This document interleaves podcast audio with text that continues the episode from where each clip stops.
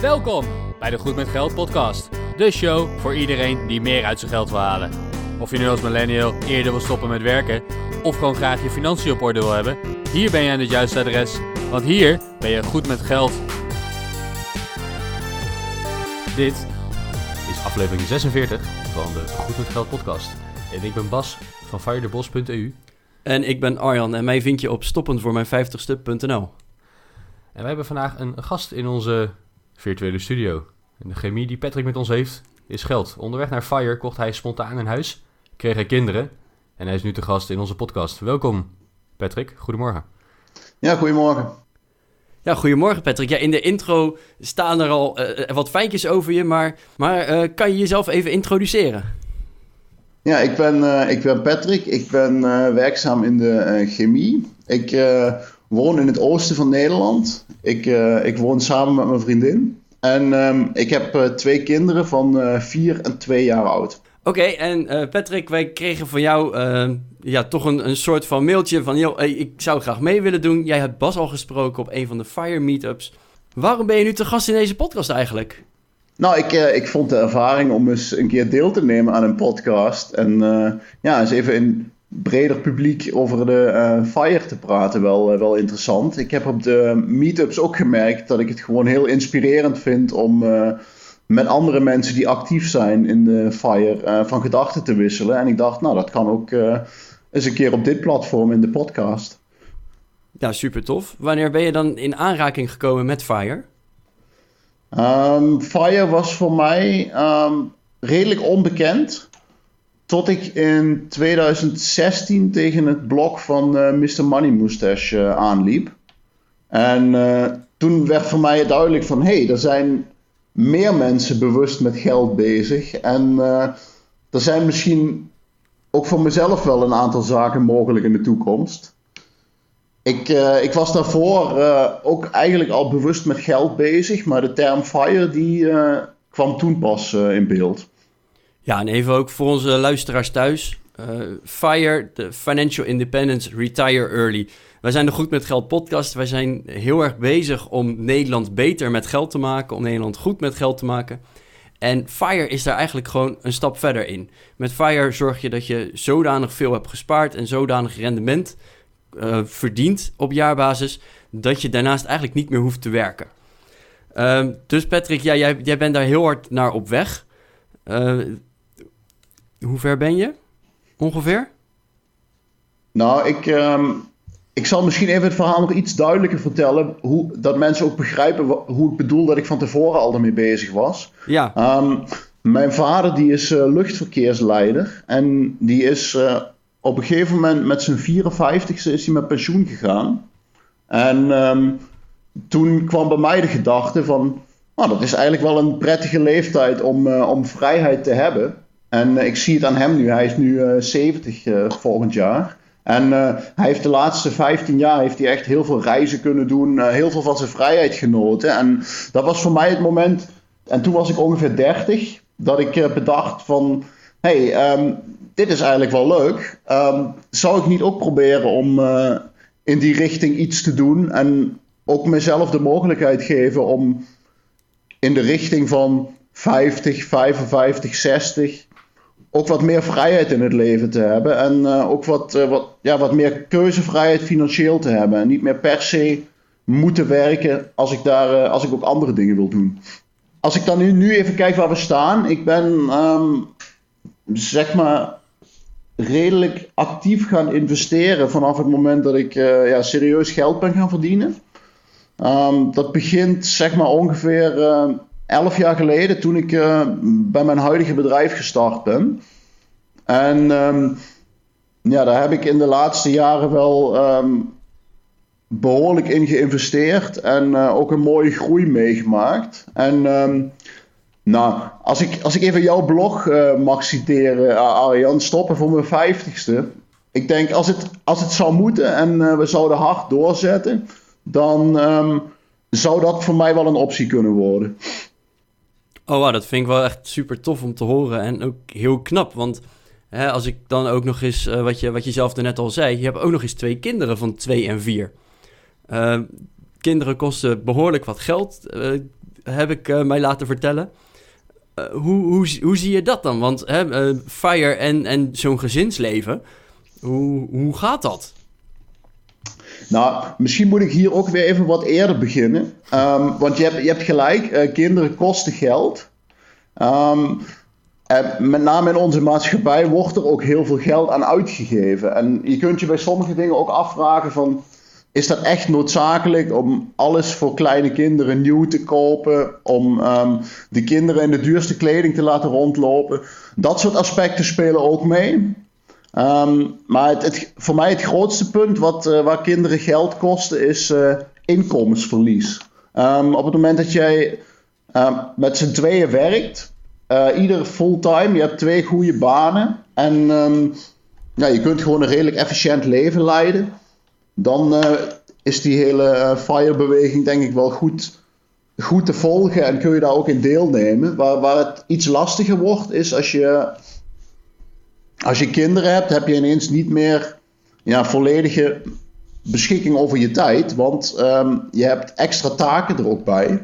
Mm. En um, het is niet meer uh, vanzelfsprekend om fulltime te werken. Of je moet uh, op dat moment heel veel kinderopvang gaan gebruiken. En uh, ja, dat, dat kost ook weer geld. Dus um, je komt wel in een situatie waarin je op dat punt even wat afwegingen moet maken. Hoe, hoe ga je dat op een goede manier inrichten? Dat je um, een balans vindt tussen inkomen creëren, maar ook tijd hebben voor je kinderen. En ook ja, je levensenergie te managen. Want het, het, leven wordt gewoon ook veel drukker en je moet even goed, goed de zaken tegen elkaar afwegen. Ja, want zijn jullie minder gaan werken dan Patrick toen er kinderen kwamen? werkt jouw vriendin nog? werkt zij parttime misschien? Hebben jullie kinderopvang geregeld? Hoe, hoe ziet dat eruit dan? Ja, we, voordat, voordat onze oudste geboren is, vier jaar geleden werkten we allebei fulltime. Mm -hmm. En we hadden eigenlijk al bedacht als... Um, onze oudste geboren wordt, dan uh, gaan we dat iets terugschroeven en gaan we proberen om twee dagen in de week uh, kinderopvang te doen. En um, drie dagen in de week gedeeltelijk zelf en um, met, met oma's en opa's af en toe op te vangen. En um, de constructie die we toen hebben gekozen is dat mijn, mijn vriendin die werkt drie dagen. En ik werk drie dagen in de maand niet. Dus ik werk 34 uur. En heb drie vrijdagen in de maand vrij. Okay. Dus um, we hebben het dan zo ingericht dat mijn vriendin die werkt maandag, woensdag, vrijdag. En ik werk uh, maandag tot en met donderdag. En uh, indien nodig af en toe de vrijdag erbij. Oh ja. En we hebben de jongens op maandag en woensdag bij de opvang. En ondertussen gaat de oudste dan naar school en naar de BSO na school. En op die manier hebben we denk ik een aangename balans tussen wel voldoende inkomen genereren en ook ja, voldoende tijd voor, uh, voor het gezin. Ja, want dat is wat mij een, een hele moeilijke afweging lijkt inderdaad. Van ja, je kunt met z'n tweeën fulltime blijven werken om maar dat hoge inkomen na te streven en, en een hoge savings rate te behouden. Maar ja, je wil ook niet dat je kinderen vijf dagen in de opvang zitten en iemand anders je kind gaat opvoeden. Je wil wel bij je gezin zijn, neem ik aan. Uh, klinkt wel alsof je een goede balans hebt gevonden daarin. Ja, het, er was ook absoluut een, een belangrijke factor daarin. Want um, dat aandacht voor de kinderen hebben is één aspect. Dat is heel belangrijk. Maar wij merken ook op de dagen dat je uh, allebei werkt, dat dat uh, ja, zeg maar van ochtends tot avonds uh, vliegen is. Dat je um, s ochtends moet zorgen van oké, hoe krijg ik iedereen in de kleren? Hoe krijg ik een boterham gesmeerd. Um, hoe krijg ik iedereen uh, gewassen en uh, naar school of naar de opvang gebracht? Hoe kom ik op tijd op het werk? Nou, dat, dat is de ochtend. En de avond gaat eigenlijk ook niet anders. hoe krijg ik de kinderen op tijd naar huis? Hoe krijg ik het eten op tijd op tafel? En ja, dat soort aspecten loop je allemaal tegenaan op dagen dat je allebei werkt. En we merken dat het prettig is op de dagen dat één van ons thuis is ja, dat, dat geeft gewoon een iets, iets ontspannendere dag voor, uh, voor ons allebei. Ja, snap ja en, en eh, hoe heb je dat dan voorbereid? Heb je uh, vooraf, de, voor de, tijdens de zwangerschap misschien, of misschien zelfs daarvoor al, heb je toen gewoon een berekening gemaakt van: oké, wat, wat is dan ons inkomstenverlies eigenlijk? Of uh, ben je gewoon maar gaan proberen met een dagje minder? Of hoe, hoe is dat proces om tot dit besluit te komen dan gegaan? Nou, wat, er, uh, wat erbij kwam was dat in eerste instantie mijn, uh, mijn vriendin um, vlak voor haar zwangerschap eigenlijk al had besloten van oké, ik wil graag een andere baan starten. En um, dus op dat moment zaten wij erover na te denken hoe we dat gaan doen. En zij wilde wel graag een stap vooruit maken. Dus een hoger inkomen genereren, maar wel minder uren werken. Nou, dat is toen gelukkig gelukt. Ze heeft een, uh, een mooie functie gekregen voor, uh, voor drie dagen in de week. En um, ik had op dat moment in eerste instantie nog een relatief hoog verlofsaldo opgebouwd. Dus ik heb om, om uit te proberen op mijn, uh, op mijn werk eerst gezegd van... Nou, ik heb het idee om iets minder te gaan werken en ik weet nog niet precies hoe, hoeveel. Maar ik, um, ik zou graag eens even willen proberen om um, de vrijdagen vrij te nemen, waar het kan. En um, nou, na een paar maanden is af te wegen van uh, wat is handig en, en hoe gaan we het verder invullen. En toen heb ik na, na vier of vijf maanden, toen mijn uh, verlofoverschot was opgemaakt, uh, even een gesprek gehad en gezegd van oké, de constructie die ik graag voor me zou zien is dat ik elke vrijdag in principe vrij ben. Maar dat ik ook beschikbaar ben op het moment dat, um, dat het nodig is voor, voor zakenreizen of afronding van projecten.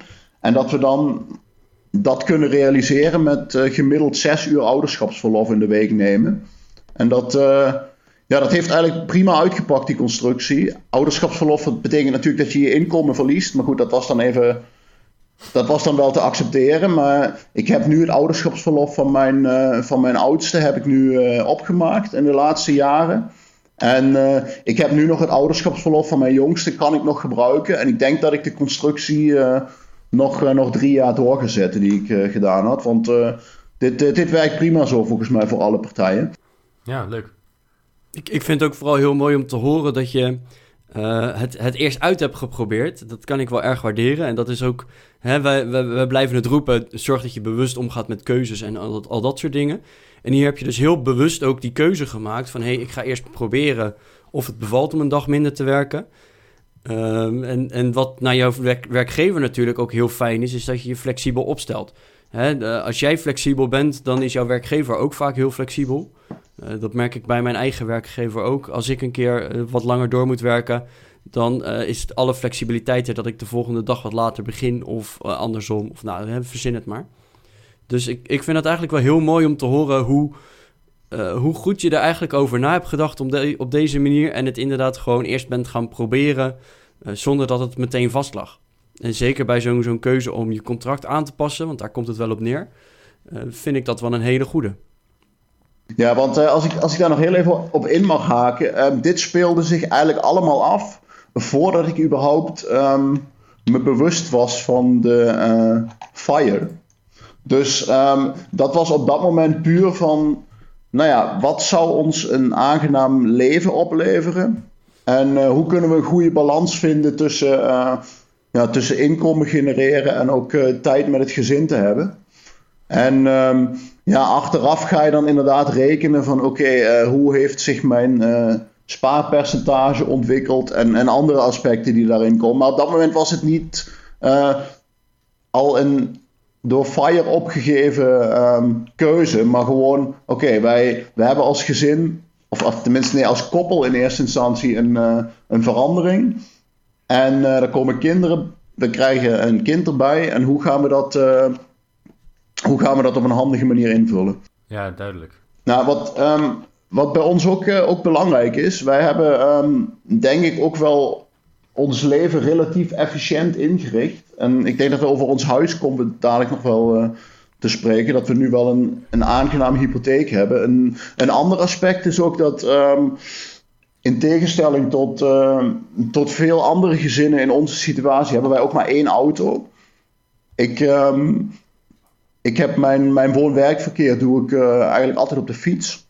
Dus ik, uh, ik woon ongeveer 14 kilometer van mijn werk af. Maar ja, ik ga gewoon dagelijks op de fiets op en neer. Dus dat, dat is ook een enorm handige um, ja, besparing, omdat je op die manier maar één auto voor de deur hebt staan. En ja, daarnaast heb je ook uh, nog beweging, je bent buiten, je hebt uh, momenten om even te reflecteren van hey, wat is er op een werkdag gebeurd. Dus dat, dat, dat is voor mij echt wel ja, een life hack, zeg maar. Dat, dat, dat werkt echt perfect uh, voor Ik wilde eigenlijk meteen in gaan haken van... ja, het is een besparing, want je hebt geen auto nodig... maar het is ook nog eens een besparing... omdat je eigenlijk niet naar de sportschool hoeft...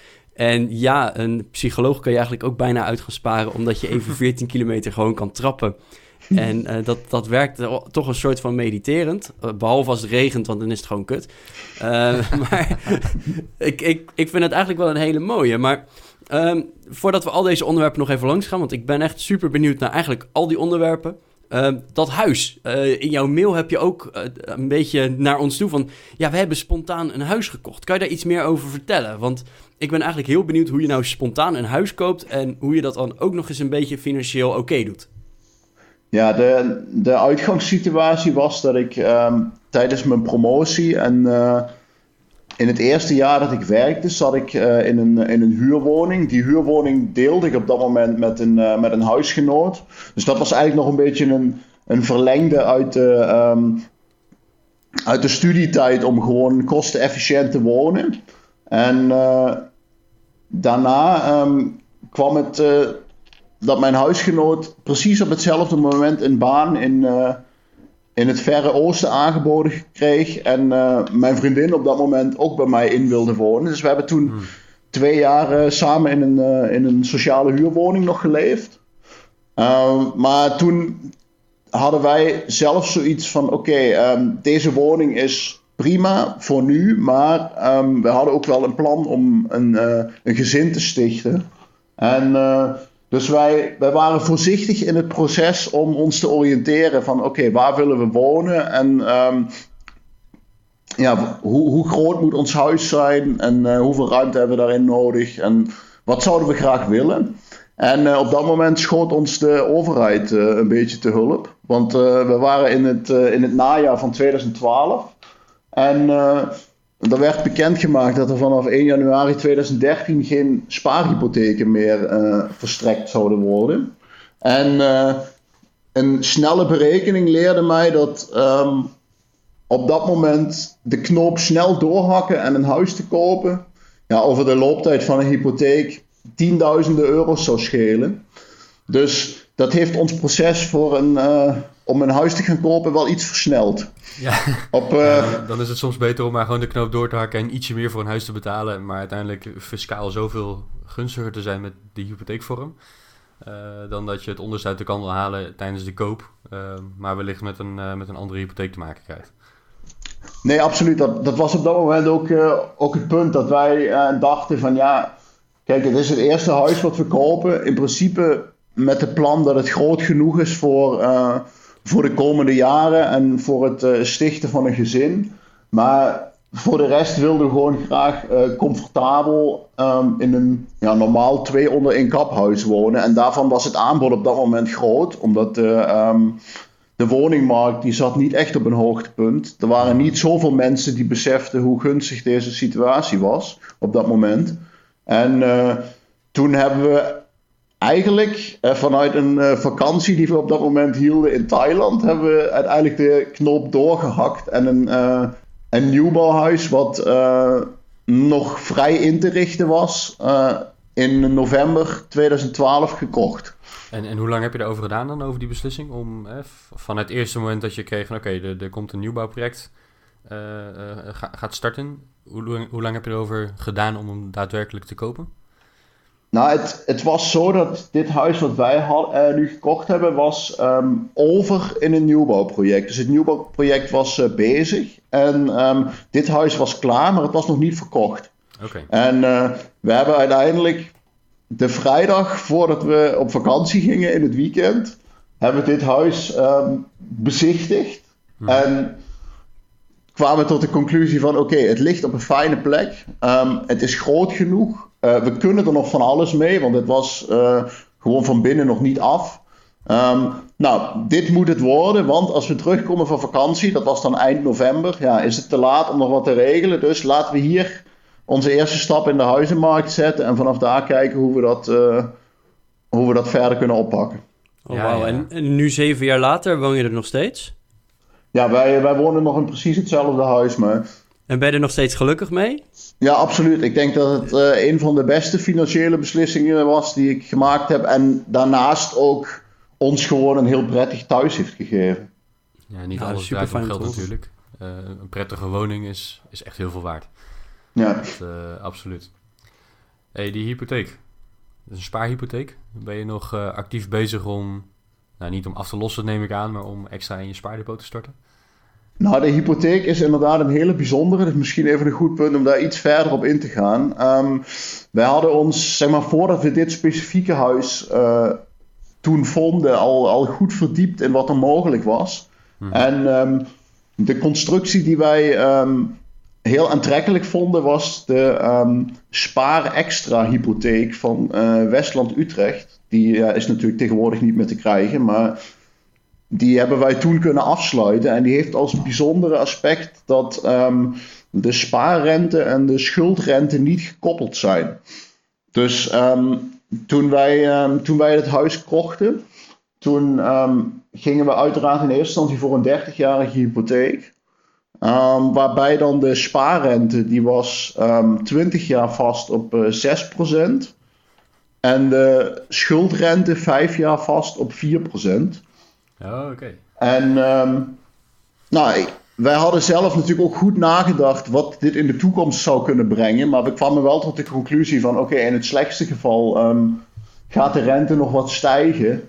En um, gaan we met korte periodes na die vijf jaar waarschijnlijk wel in de buurt blijven van wat we voor het spaargeld ontvangen. Maar in een beter geval gaat de rente ofwel niet stijgen of zelfs dalen. En um, kunnen we daarna de, um, de schuldrente um, op lagere waarde krijgen. Terwijl we wel mooi geld kunnen opbouwen voor die uh, eh, 6% op, de, op het spaardeel. Oh, wow. Die 6% is natuurlijk echt, uh, dat is gigantisch hoog. Zeker als je het een beetje vergelijkt met andere spaarrentes uh, op dit moment. Dus het is super gunstig om daar geld in te gaan stoppen, inderdaad. Ja, nou, als, als ik zie hoe we dat opgepakt hebben, dan um, was dat natuurlijk ook nog de tijd dat we met z'n tweeën waren. Dus wij, wij hadden relatief snel uh, het idee van: oké, laten we deze constructie zo, zolang het gaat ook maar zo optimaal mogelijk maken. En um, nou, het eerste wat we, wat we wilden doen is de looptijd van de hypotheek terugdringen. Omdat uh, ja, het onzekere van deze hypotheek zat voor ons in de laatste 10 jaar. Als je de, de spaarrente 20 jaar vast hebt, hmm. moet je na 20 jaar dus weer de spaarrente opnieuw vastleggen. En kun je op het moment dat je dan een veel lager aanbod krijgt, kom je flink kapitaal tekort om hem af te lossen. Dus die onzekerheid wilden we als eerste kwijt. Dus we hebben um, in eerste instantie zodanig uh, in de hypotheek gespaard dat, um, dat de looptijd terug gaat naar 20 jaar. Nou ja. En dat doe je door um, ja, aan het begin relatief veel in de hypotheek te storten. En, ja, dus, gewoon door extra op de spaarpot in te leggen. Wat, vervolgens, wat, vervolgens, weer rendeert en tot een kapitaal leidt. Ja, en, en uiteindelijk hebben we dan twee jaar daarna hebben we nog gezegd van oké, we gaan hem nog zodanig optimaliseren dat we ook nog de, um, de 1 op 10 ratio die je moet aanhouden bij spaarreken, spaarhypotheken. Dat je um, in het, de laagste storting over de looptijd mag maar 10 keer kleiner zijn dan de uh, hoogste storting. Dat je dus met allemaal hoge stortingen aan het begin het precies zo maakt dat nu de rest van de looptijd nog elk jaar de laagste uh, bijstorting nodig is. Nou ja. Ja, en dat heb je laten, laten uitrekenen, denk ik, of misschien wel zelf gedaan. Ja, uh, goed punt. Um, hypotheekadviseurs. Wij hadden nog iemand die, uh, die ik relatief capabel vond. um, maar um, het was wel zinvol, met name in de communicatie met de bank om ook um, zelf je getallen en je plan op orde te hebben. Want um, dat viel af en toe nog wel eens tegen om aan mensen duidelijk te maken wat, wat je graag wil doen met je eigen mm. hypotheek. En de specialisten van het product ook te overtuigen uh, om mee te werken aan een, uh, aan een verandering die, uh, die je graag zelf zou willen doen. Ja, hm. ja en adviseurs zijn heel nuttig. Hè? Ze kunnen jou heel goed helpen, maar je moet wel zelf weten wat je wil. En uiteindelijk moet jij het gaan doen en, en niet de adviseur. Ik ben zelf adviseur van beroep, niet in de hypotheek gelukkig. Um, maar ik, ik, zeg dat altijd tegen mijn klant. Ik zeg, je kan de vragen aan mij stellen, maar jij moet het uiteindelijk gaan doen. Jij moet het weten. Uh, ik kan slechts ondersteunen daarin. Ehm, en, en dat is denk ik wat veel mensen met een hypotheek niet doen, is dat ze gewoon alles uitbesteden en, en zoeken het maar uit en zelf niet bezig zijn, geen idee hebben waar ze mee in zee gaan, waar ze voor tekenen. Ehm, ik vind het goed om te horen dat jij niet in die valkuil bent getrapt. Ehm, ik, ik, zie om me heen best wel wat mensen die dat wel doen. die zeggen, ja, nee, ja, de, de, hypotheekadviseur heeft alles voor me uitgezocht en geregeld. Oké, maar wat heb je nu dan? Ja, dat weet ik niet precies.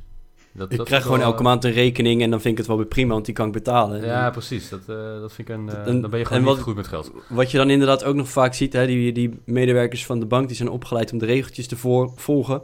En ja, zo, zo doe je het altijd, dus zo doen we het nu ook. Uh, en als je dan inderdaad binnenkomt stappen van... ja, ik wil eerder aflossen of ik wil sneller aflossen... Uh, ja, maar dat doen we normaal niet. Nee, maar het mag wel. Dus uh, dan moet je dan iets steviger ook inderdaad in je schoenen staan. Je dat überhaupt voor elkaar gaan krijgen? Ja, jullie maken wel, jullie maken wel een goed punt. Je moet, je moet hier ook het initiatief in, uh, in eigen handen houden. En je ook realiseren hoe, hoeveel impact zo'n beslissing heeft. En ik, ik, ik merk dat met name nu um, de markt, die is natuurlijk ook heel erg aangetrokken. Um, ja, daar wordt alleen maar gekeken van hoeveel kan ik lenen. En uh, hoe groot kan het huis zijn wat ik daarbij kan kopen? Maar mensen vergeten wel dat ze, zeker met de nieuwe regels, gewoon verplicht zijn om in de komende 30 jaar dat hele bedrag op tafel te leggen wat dat huis kost. Dus als ik nu een huis koop van 5 ton, ja, dan moet ik gewoon ook elk jaar behoorlijke bedragen betalen om in 30 jaar die volledige aflossing te realiseren. Ja, absoluut. Dus uh, ja, we hebben, met, we hebben met enigszins beleid een normaal huis gekocht, wat toen onder de uh, eh, NHG nog viel. Dus dat, uh, dat was ook nog uh, een, een mooi aspect. En um, het laatste wat ik nog even wilde vertellen is wat we met de, met de schuldrente gedaan hebben. Um, die liep dus vijf jaar. En um, nou, in de eerste jaren zakte de rente flink op allerlei zaken. En op een gegeven moment hadden we nog één jaar te gaan. En keek ik even van wat de mogelijkheden waren om met de schuldrente te doen. En toen stond de tienjarige schuldrente op uh, eh, 2,4% voor ons product. En uh, toen heb ik gezegd van oké, ik ga dat risico niet lopen. Dat in het laatste jaar dat het loopt, um, daar nog een um, ongunstige ontwikkeling in is. Ik, uh, ik koop nu het laatste jaar af van die, van die 4%. En ik zet hem opnieuw vast voor 10 jaar op 2,4%. Oh wauw, dus je hebt nog een enorme spread ook tussen, tussen de 6% die je nog steeds ontvangt en de rente die je nu gaat betalen. Of die je ja, betaalt. dus um, dat, ja, dat, dat, dat, ja. dat, heeft, uh, dat heeft uitstekend uitgepakt. En uh, zoals je ook zei, belangrijk is je woont in een, in een prettig huis, maar het is ook geen molensteen om de nek. Dat is ook, uh, dat is ook prettig. Nee, dat is inderdaad iets wat je vaak ziet. jonge mensen willen een huis kopen ja, en we kunnen dit betalen, dus doen we het ook. Hè? Stel, je bent met z'n tweeën en je kan drie ton krijgen, omdat je allebei best wel goed verdient. Maar een huis van drie ton, dat kan best wel een molensteen zijn om je nek. Want uh, naast dat je inderdaad uh, je, gewone vaste lasten aan hypotheek moet betalen, uh, kan het ook zomaar zijn dat je inderdaad ook nou, onderhoud, er komen kinderen of weet ik het wat, komt er allemaal bij. Of je krijgt geen salarisverhoging, of misschien raak je zelfs je baan kwijt. Dat, dat zijn allemaal van die aspecten. En als je aan het begin al zegt van, nou, dit kunnen we net aan betalen, dus dan doen we het. Ja, dat vind ik altijd best wel risicovol. En, en uh, toen ik bijvoorbeeld mijn appartement kocht, ben ik inderdaad bewust ook iets goedkoper gaan zitten dan wat ik maximaal aan hypotheek kon krijgen. Simpelweg omdat ik ja, dat, dat risico niet wilde lopen dat mijn huis een grote last werd. Ja, nee, volledig mee eens. En bij ons was toen ook het plan van wij um, willen graag een gezin stichten. En uh, het zou dus ook wel een reële optie zijn dat er um, een aantal werkuren afgaat en dat we um, iets minder inkomen hebben en dan ook gewoon nog uh, in het huis willen blijven. Dus dat, dat soort scenario's zijn denk ik heel reëel en daar moet je gewoon ook rekening mee houden. Goeie tip denk ik voor alle luisteraars die bezig zijn om een huis te kopen. Patrick, ik wil even een uh, sprongetje maken. We hebben het al een aantal keer over jouw werk en werkuren gehad en, en je salarisontwikkeling, niet, uh, niet expliciet. Wat voor werk doe jij ongeveer? Um, en, en heb je daar nog speciale constructies afgesproken die jou dichter bij Fire brengen? Dat is natuurlijk een beetje een inleidende vraag, want we hebben elkaar al gesproken van tevoren.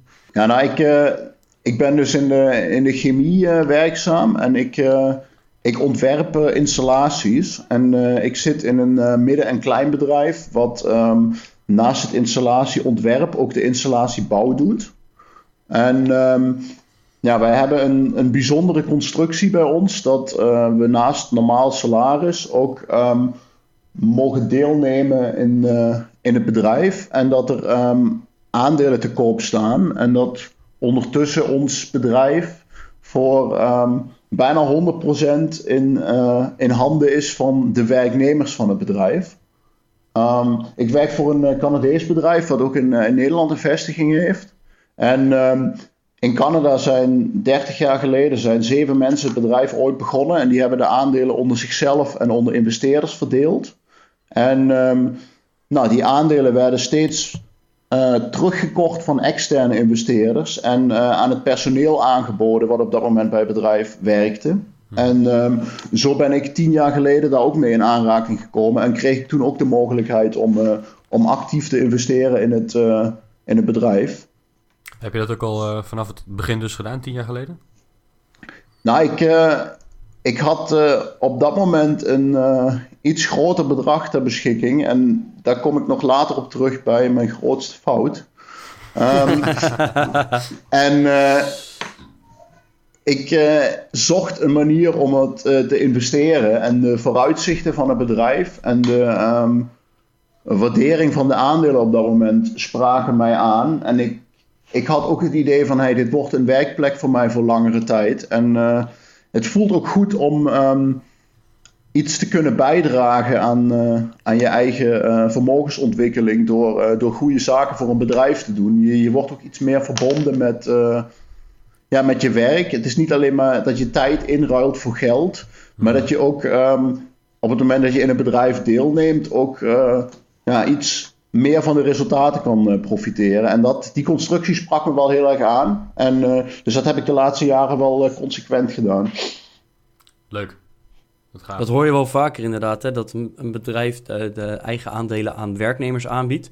Hè, dus dat de werknemers eigenlijk ook eigenaar zijn van het bedrijf zelf. En daardoor functioneert een bedrijf vaak ook eens net een beetje beter. Simpelweg omdat elke werknemer ook een stukje eigenaar is. Dus het is alleen maar in je eigen belang dat je ook inderdaad goed werk levert, dat het bedrijf goed gaat. Want je hebt er vermogen in zitten, dus het, het, is ook een stukje van jouw eigendom waar je voor werkt. Dus ik, ik vind de constructie heel mooi en zeker bij een wat kleiner bedrijf kan het vaak ook heel goed. Uh, dus ja, inderdaad, heel tof om te horen dat je eigenlijk dus uh, een, een stukje eigenaar bent van je eigen werkgever. Hm. Ja, sterker nog, nu, ik dit al uh, heel lang doe, um, begint bij mij ook een beetje het idee te komen van hoe, mocht ik ooit voor een ander bedrijf werken, hoe, hoe gemotiveerd zou ik zijn om eigenlijk alleen maar iemand anders beter te maken. Dat, uh, dat, dat wordt op een gegeven moment, als je aan deze constructie bent, dat je ook, uh, dat je ook zelf mag deelnemen aan de resultaten. Dan denk je van ja, waarom werkt eigenlijk bijna iedereen voor een baas die dan alle benefits en alle, uh, alle resultaten van een bedrijfsvoering krijgt? Dat, uh... ja, je krijgt natuurlijk gewoon een salaris als je voor een baas werkt. Hè? Dat, uh, laten we dat wel voorop stellen. Maar ik ben het met je eens dat, um, ja, dat kapitaal vaak beter rendeert dan arbeid. Uh, en dat inderdaad de bedrijfseigenaar er ook rijker van wordt van, jou, van jouw arbeid. In jouw geval is dat, um, ja, ben je dat zelf voor een deel. Bouw je nog heel actief aan die positie verder? Doe je dat één keer per jaar? Doe je dat elke maand? Hoe, hoe ziet dat eruit? Nou, aan het begin heb ik ook zelf uh, uit eigen middelen geïnvesteerd. Um, ondertussen is in de laatste vijf jaar een, een, constructie bij ons op gang gekomen dat wij onze, onze jaarbonus die wij uh, krijgen. Um, in aandelen kunnen investeren en daarbij um, de werkgever ervoor zorgt dat de, dat de aandelenkoers die je betaalt dan uh, verlaagd wordt. Oh ja. Dus de laatste jaren heb ik me beperkt tot het deelnemen aan die regeling, omdat die wel heel voordelig is. Um, daarnaast ben ik wel een beetje tot de conclusie gekomen van, ja, dit, uh, dit is leuk en dit, uh, dit gaat goed, maar je bent uiteindelijk wel um, je privévermogen op één paard aan het wedden. En dat begon toen het uh, groeide op een gegeven moment een gevoel te geven van ja, wacht even, ik moet misschien ook even wat verder kijken. En um, daarnaast ook nog uh, op een andere manier vermogen opbouwen. En niet, niet alles in dit bedrijf stoppen, want mocht er om een of andere reden iets toch niet zo lopen als je plant, dan zou je er misschien wel eens spijt van kunnen hebben achteraf. Omdat je dan zowel je baan kan verliezen, als dat je ook je vermogen gelijk uh, achterlaat. Precies. Ja, dat is natuurlijk wat we heel vaak ook roepen. Hè? Van, uh, als je gaat investeren, lees je vooral goed in. Kijk wat de mogelijkheden zijn. Maar zorg ook voor een goede spreiding. Want een goede spreiding is het halve werk. Uh, als je, stel je koopt alleen inderdaad maar aandelen in één bedrijf. En dat bedrijf gaat failliet, dan ben je al dat geld kwijt. En zo is dat inderdaad ook bij jou. Het is nog veel erger bij jou. Op het moment dat het bedrijf failliet gaat, ben je niet alleen je vermogen kwijt, maar ook je inkomen. Ja, dus, dat, uh, dat risico telt is meteen ook dubbel. een stukje groter. Hey, maar hoe ben je nu verder aan het spreiden? Ja, kijk, dit moment viel ook een beetje samen met mijn uh, kennismaking met de uh, FIRE-wereld. En um, wat natuurlijk um, heel populair is in die richting, dat zijn uh, aandelen, aandelenfondsen, ETF's. En um, ja, zoals veel anderen dacht ik aanvankelijk ook van, ja, leuk zo'n breed gespreid marktfonds. Maar ik ik heb goede investeringen in mijn eigen bedrijf gedaan. Waarom zou me dat bij andere bedrijven niet lukken? En uh, toen ben ik op zoek gegaan naar allerlei actieve strategieën in, in aandelen. En nou, op zich, ik vond het wel een leerzame periode. Met name omdat, omdat je ook merkt van oké, okay, um, niet alles wordt vanzelf meer waard. En niet alles is te voorspellen. Mm-hmm. Dus ik heb... Um, zeg maar, actief ben ik aan het, aan het beleggen vanaf 2016 ongeveer. En ik heb toen, uh, ja, de mensen hebben er misschien wel eens van gehoord, bijvoorbeeld de, de Magic uh, Formula van uh, Joel Greenblatt. En je hebt Benjamin Graham, die ook een aantal strategieën heeft bedacht om in bedrijven te investeren. Ik heb toen nog een aantal websites, heb ik een kortstondig lidmaatschap gehad om bepaalde tips en andere zaken te ontvangen. Um, ik, ik sluit ook niet uit dat deze dingen werken, maar waar ik wel achter kwam is van. Het lijkt allemaal heel eenvoudig, maar als je het zelf moet uitvoeren, um, kost het veel tijd. Mm. Um, en ja, de, de veranderingen die je meemaakt zijn gewoon groot. Je hebt wel eens een klapper te pakken. Je hebt, uh, je hebt ook aandelen die totaal niet uh, doen wat je ervan verwacht. En ja, ik, ik, ik ben een beetje tot de conclusie gekomen van... Ja, hartstikke leuk, maar ik, ik heb een baan, ik heb een gezin en um, het moet geen levensinvulling worden. En um, ik heb daar misschien, nou geluk gehad wil ik niet zeggen, maar ik heb wel steeds voldoende spreiding aangebracht. En uiteindelijk als ik nu terugreken over de laatste, over de laatste vier jaar, heb ik met uh, een aantal uh, verschillende strategieën en ook op een gegeven moment opbouw van ETF's heb ik uh, ongeveer het marktrendement benaderd. Dus um, ik ben wel een beetje tot de conclusie gekomen van oké, zelf meerwaarde leveren en hogere rendementen halen, dat is niet eenvoudig en um, misschien ook niet de weg die ik wil bewandelen. Dus ik ben nu mijn, uh, in ieder geval mijn nieuwe inleg en ook andere, andere aandelen die ik afstoot gewoon in, in wereldwijde indexfondsen aan het beleggen. Ik kan me dat goed voorstellen, want jij geeft aan dat je, dat je een baan hebt. Uh, ik neem aan dat je, dat je goed verdient.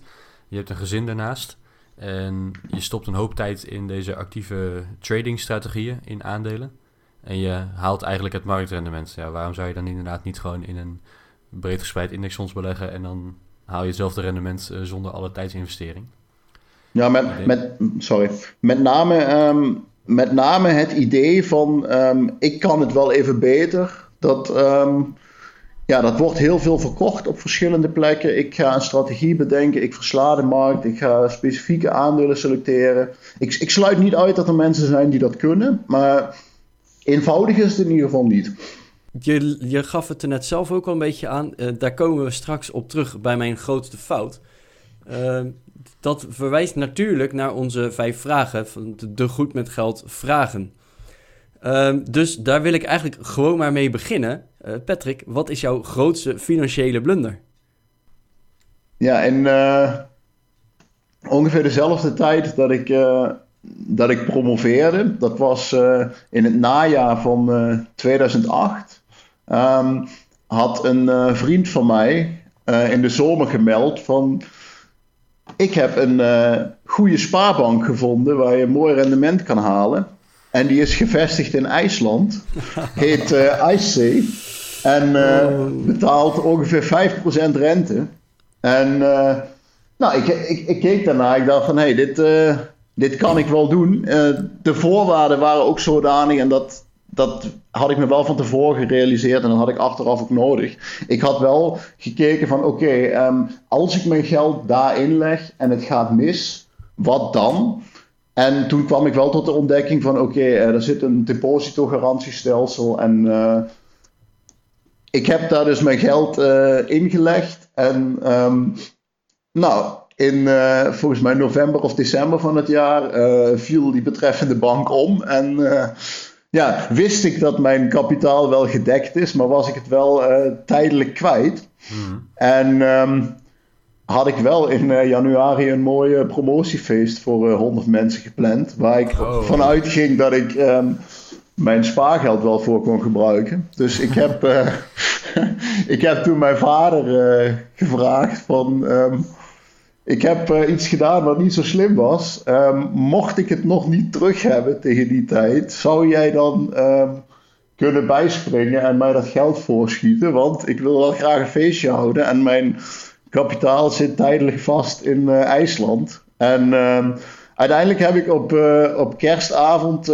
2008, 24 december, heb ik mijn kapitaal van IceSafe inclusief rente teruggekregen. Ah, dus ook zo, zoals verwacht, want ik wist van tevoren dat het gedekt was. Alleen um, het heeft me op dat moment wel de les uh, van uh, diversificering geleerd. Van het, iets kan nog zo mooi lijken, maar um, alles kan misgaan. En als het misgaat, is het jammer, maar dan moet je wel een, een backup plan hebben en moet je gewoon verder kunnen met je, met je overige middelen en um, ja, andere geldbronnen die je hebt. Inderdaad. Hey Patrick, wat is iets wat jij nu kan, wat je vijf jaar geleden al heel graag had willen kunnen? Nou, wat, wat ik hier eigenlijk wilde noemen is dat ik uh, me vijf jaar geleden totaal niet bewust was van um, de hele uh, financial independence community, um, blogs die er zijn, uh, meetups met mensen. En ik merk gewoon dat, dat ik dat een ontzettend inspirerende community vind. waar, waar je zelf heel veel kan uithalen, die je aan het denken zet. En um, ja, gewoon mensen die um, niet normale inzichten op het leven hebben. En waar je gewoon ja, heel goed mee van gedachten kan wisselen. Ja, vind ik wel een hele mooie inderdaad.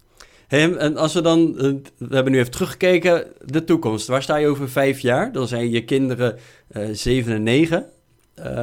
Maar hoe, hoe ziet jouw leven er dan verder uit? Nou, het, het is wel grappig dat jij, uh, dat jij de kinderen noemt. Want kijk, in, in het kader van financiële onafhankelijkheid ga je natuurlijk ook een beetje nadenken van wat is eigenlijk het punt wat ik wil bereiken? En dan lees je verhalen van mensen die zeggen van oké, ik heb ik heb mijn doel bereikt, ik zeg mijn baan op, ik verkoop mijn huis, ik ga de wereld rondreizen. En dat klinkt natuurlijk heel interessant. Maar um, ik beroep me weer even op mijn, mijn oorspronkelijke doel. Van, ik, ik was eigenlijk in eerste instantie geïnspireerd door mijn vader. En die was met 54, had hij de kinderen oud genoeg en kon die inderdaad echt vrij over zijn leven beschikken. En als ik nou naar vijf jaar kijk, dan um, ben ik natuurlijk nog steeds um, ja, vader van uh, schoolgaande kinderen. Um, ja, financieel onafhankelijk leven zou dan toch niet zo onafhankelijk zijn als je, um, als je misschien zou willen. Dus ik, ik verwacht eigenlijk dat ik op dat moment uh, nog gewoon werk. Wel uh, part-time. Dat is iets wat ik wel ontdekt heb. Dat het voor mij een, een veel betere levensbalans geeft om niet 40 uur in de week te werken, maar bijvoorbeeld 32 uur. Dat, dat geeft je gewoon een veel, veel aangenamere, um, aangenamere situatie waarin je ook uh, tijd hebt om te ontspannen, tijd hebt om te sporten en uh, tijd voor vrienden en familie. En ook voor je kinderen. Nou, dus dat, dat is een beetje een plaatje wat ik nu voor me heb. Maar heel concreet ingevuld heb ik dat nog niet.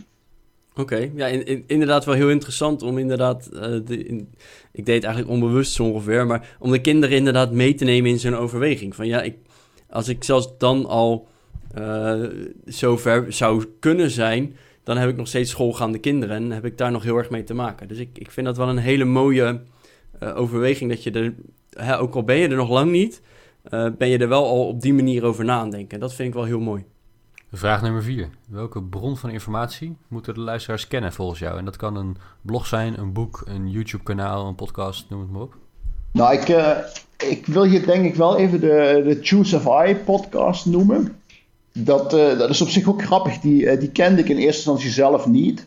Maar juist door de, um, door de Nederlandse meetups en de, de Facebookgroep daaromheen ben ik een aantal maanden geleden begonnen met actief die podcast te luisteren.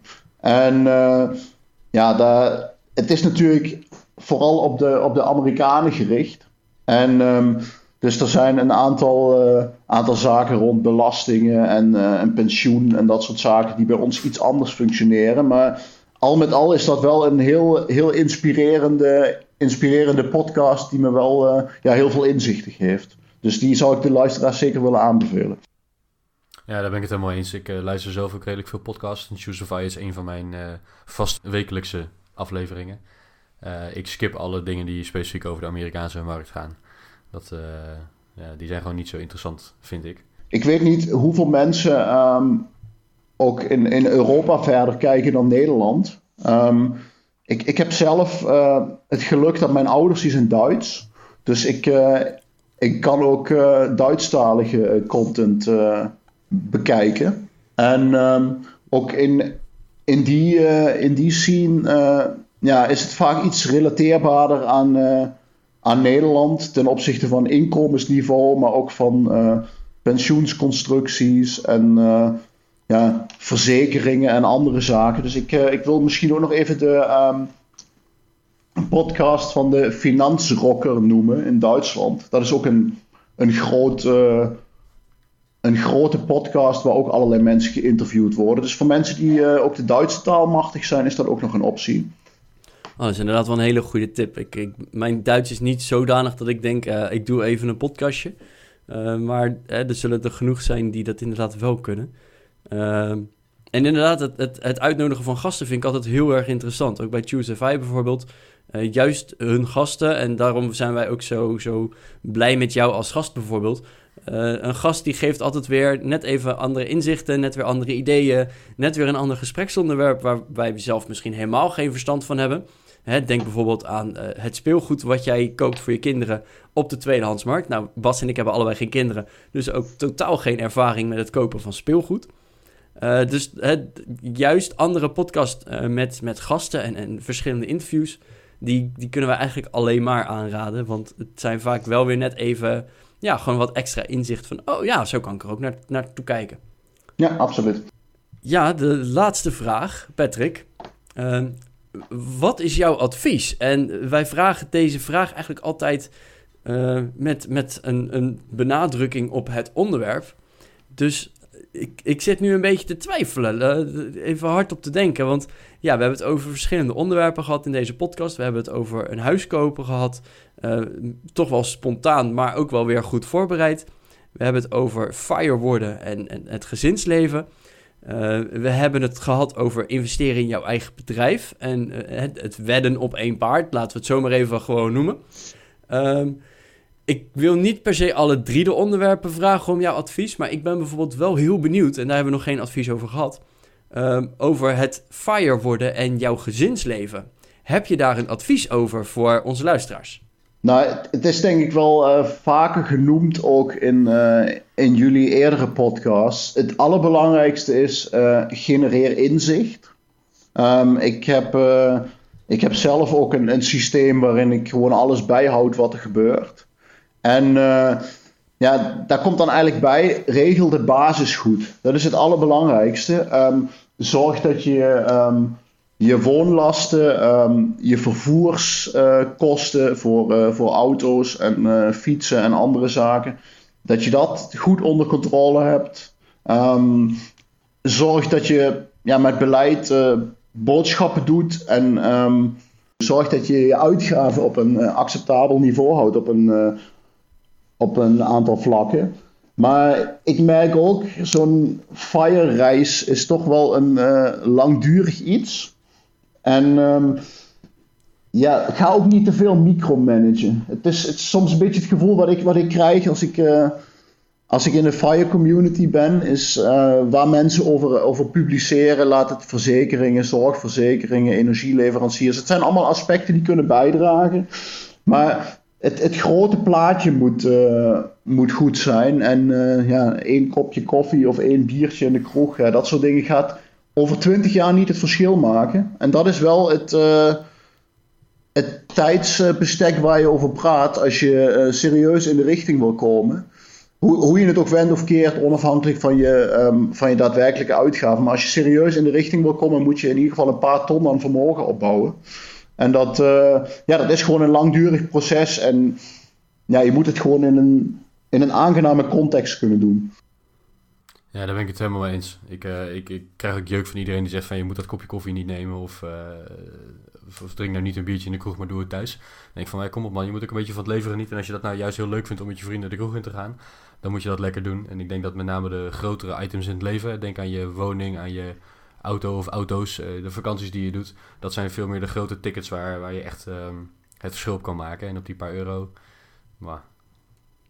Ja, ik vind het ook vooral mooi dat je, dat je aangeeft van nou, er komt zoveel op je af. Zorg nou dat de basis gewoon goed is, dan komt de rest vanzelf wel.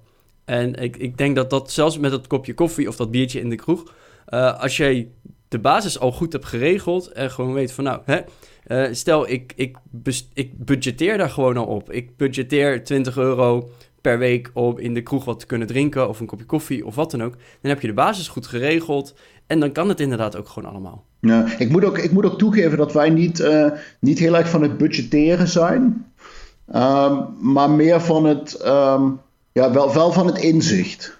Dus um, dat wij wel bijhouden wat er gebeurt. En waar ja, exorbitante dingen gebeuren, ook zeggen van hé, hey, wat, wat is er hier aan de hand? Waar is daar te veel naartoe gegaan? En uh, moeten we daar misschien iets, iets aan het patroon veranderen? Maar, maar in de basis hebben wij het zo ingeregeld dat we gewoon op het moment dat we onze salarissen ontvangen, dat er een, uh, een percentage naar de beleggingsrekening gaat. En dat dan de, um, ja, de rest van, van onze inkomsten gebruikt wordt om alle vaste lasten en uh, variabele lasten te betalen. En uh, wat ik, dit, ik wil nog één tip meegeven voor de luisteraars. Nou, de laatste. Fo de, ja. de afsluiter. Focus niet alleen op de, op de uitgavenkant. Dat is ook iets wat, uh, wat ik ook af en toe merk. Dat mensen heel, uh, heel erg scherp zijn op ja, hoe kan ik zo weinig mogelijk besteden. Maar er is, de grotere winst is te behalen als je, als je in staat bent om om eh, een stap vooruit te maken, een salarisverhoging, een, uh, ja, een extra bron van inkomsten. En dat heb ik zelf nog niet gedaan via um, zeg maar side hustles of, uh, of bijbanen en dergelijke wat mensen doen. Uh, is ook een mogelijkheid, maar je inkomstenkant is ook een belangrijke hendel. En dat maakt het denk ik dan ook eenvoudiger om een, een goed spaarpercentage te halen. Patrick, ik wil jou bedanken voor al jouw nuttige informatie van vanochtend. Het is zaterdagochtend als we dit opnemen. En we zijn inmiddels alweer bijna een uur bezig. Ik denk dat dit wellicht onze langste aflevering ooit gaat worden, Arjan. Uh, ja, dus... we hebben toch een record gebroken vandaag. Ik denk het wel weer. Patrick, onwijs bedankt voor al je ja, waanzinnige tips, inzichten en jouw verhaal. Dankjewel. Ja, graag gedaan. Ja, en alle linkjes en alle tips die Patrick heeft gegeven, die kan je natuurlijk terugvinden op uh, de show notes uh, op onze website. Uh, dat is www.goedmetgeldpodcast.nl slash 046. Wil je nou ons nog een beetje helpen? Uh, abonneer je dan vooral op de kanalen via iTunes, Spotify of uh, welke podcastaanbieder je dan ook gebruikt. want de aantallen die tellen juist ook als je gaat zoeken van hoe meer abonnees er zijn, hoe eerder je gevonden wordt. Ook het geven van een reactie of het, het, het reten van onze podcast vinden wij natuurlijk super tof. Uh, heb je nou tips, feedback of wil je uh, gewoon even contact met ons opzoeken? Uh, dat kan natuurlijk ook. Dat kan via de show notes door gewoon een reactie achter te laten. Maar je kan ons natuurlijk ook even een mailtje sturen naar gmg.goedmetgeldpodcast.nl Ja, Patrick, nogmaals een, een laatste dankjewel. En dan was dit weer aflevering 46 van de Goed met Geld podcast. Tot volgende week. Tot volgende week.